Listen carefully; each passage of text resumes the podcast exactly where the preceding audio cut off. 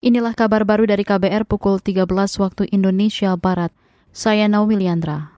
Saudara, kekerasan berbasis gender di ruang publik dan personal meningkat selama 21 tahun terakhir. Berdasarkan data Komnas Perempuan, ada lebih 87 ribu kekerasan berbasis gender di ranah publik. Yang tertinggi terjadi di 2009. Menurut Komisioner Komnas Perempuan Alimatul Kiptiah, bentuk kekerasan yang paling banyak terjadi adalah pemerkosaan itu lebih dari dua setengah juta KBG di ranah personal dengan angka tertinggi adalah kekerasan terhadap istri. Ini paling banyak. Kemudian juga ada kekerasan dalam pacaran, itu menempati posisi kedua terbanyak dalam kekerasan di ranah personal. Kemudian juga kalau kita lihat jumlah paling tinggi tercatat uh, di ranah personal ini adalah di tahun 2015.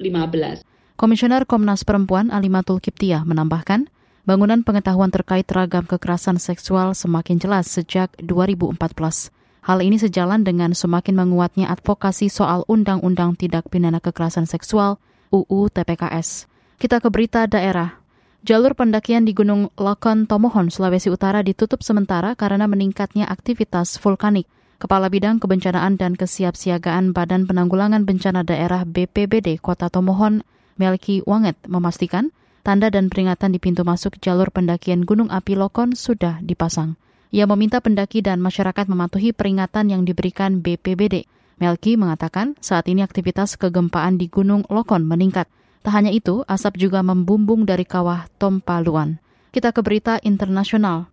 Tiongkok berupaya meningkatkan pembangunan jaringan infrastruktur pengisian daya untuk mobil listrik. Kantor Umum Dewan Negara Tiongkok merilis pedoman bahwa pada 2023 jaringan infrastruktur pengisian daya berkualitas tinggi dengan jangkauan luas dan terstruktur dengan baik.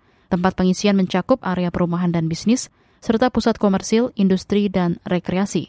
Sementara untuk daerah pedesaan, jaringan pengisian daya dengan jangkauan yang efektif juga akan dibangun. Demikian kabar baru KBR, saya Naomi Liandra.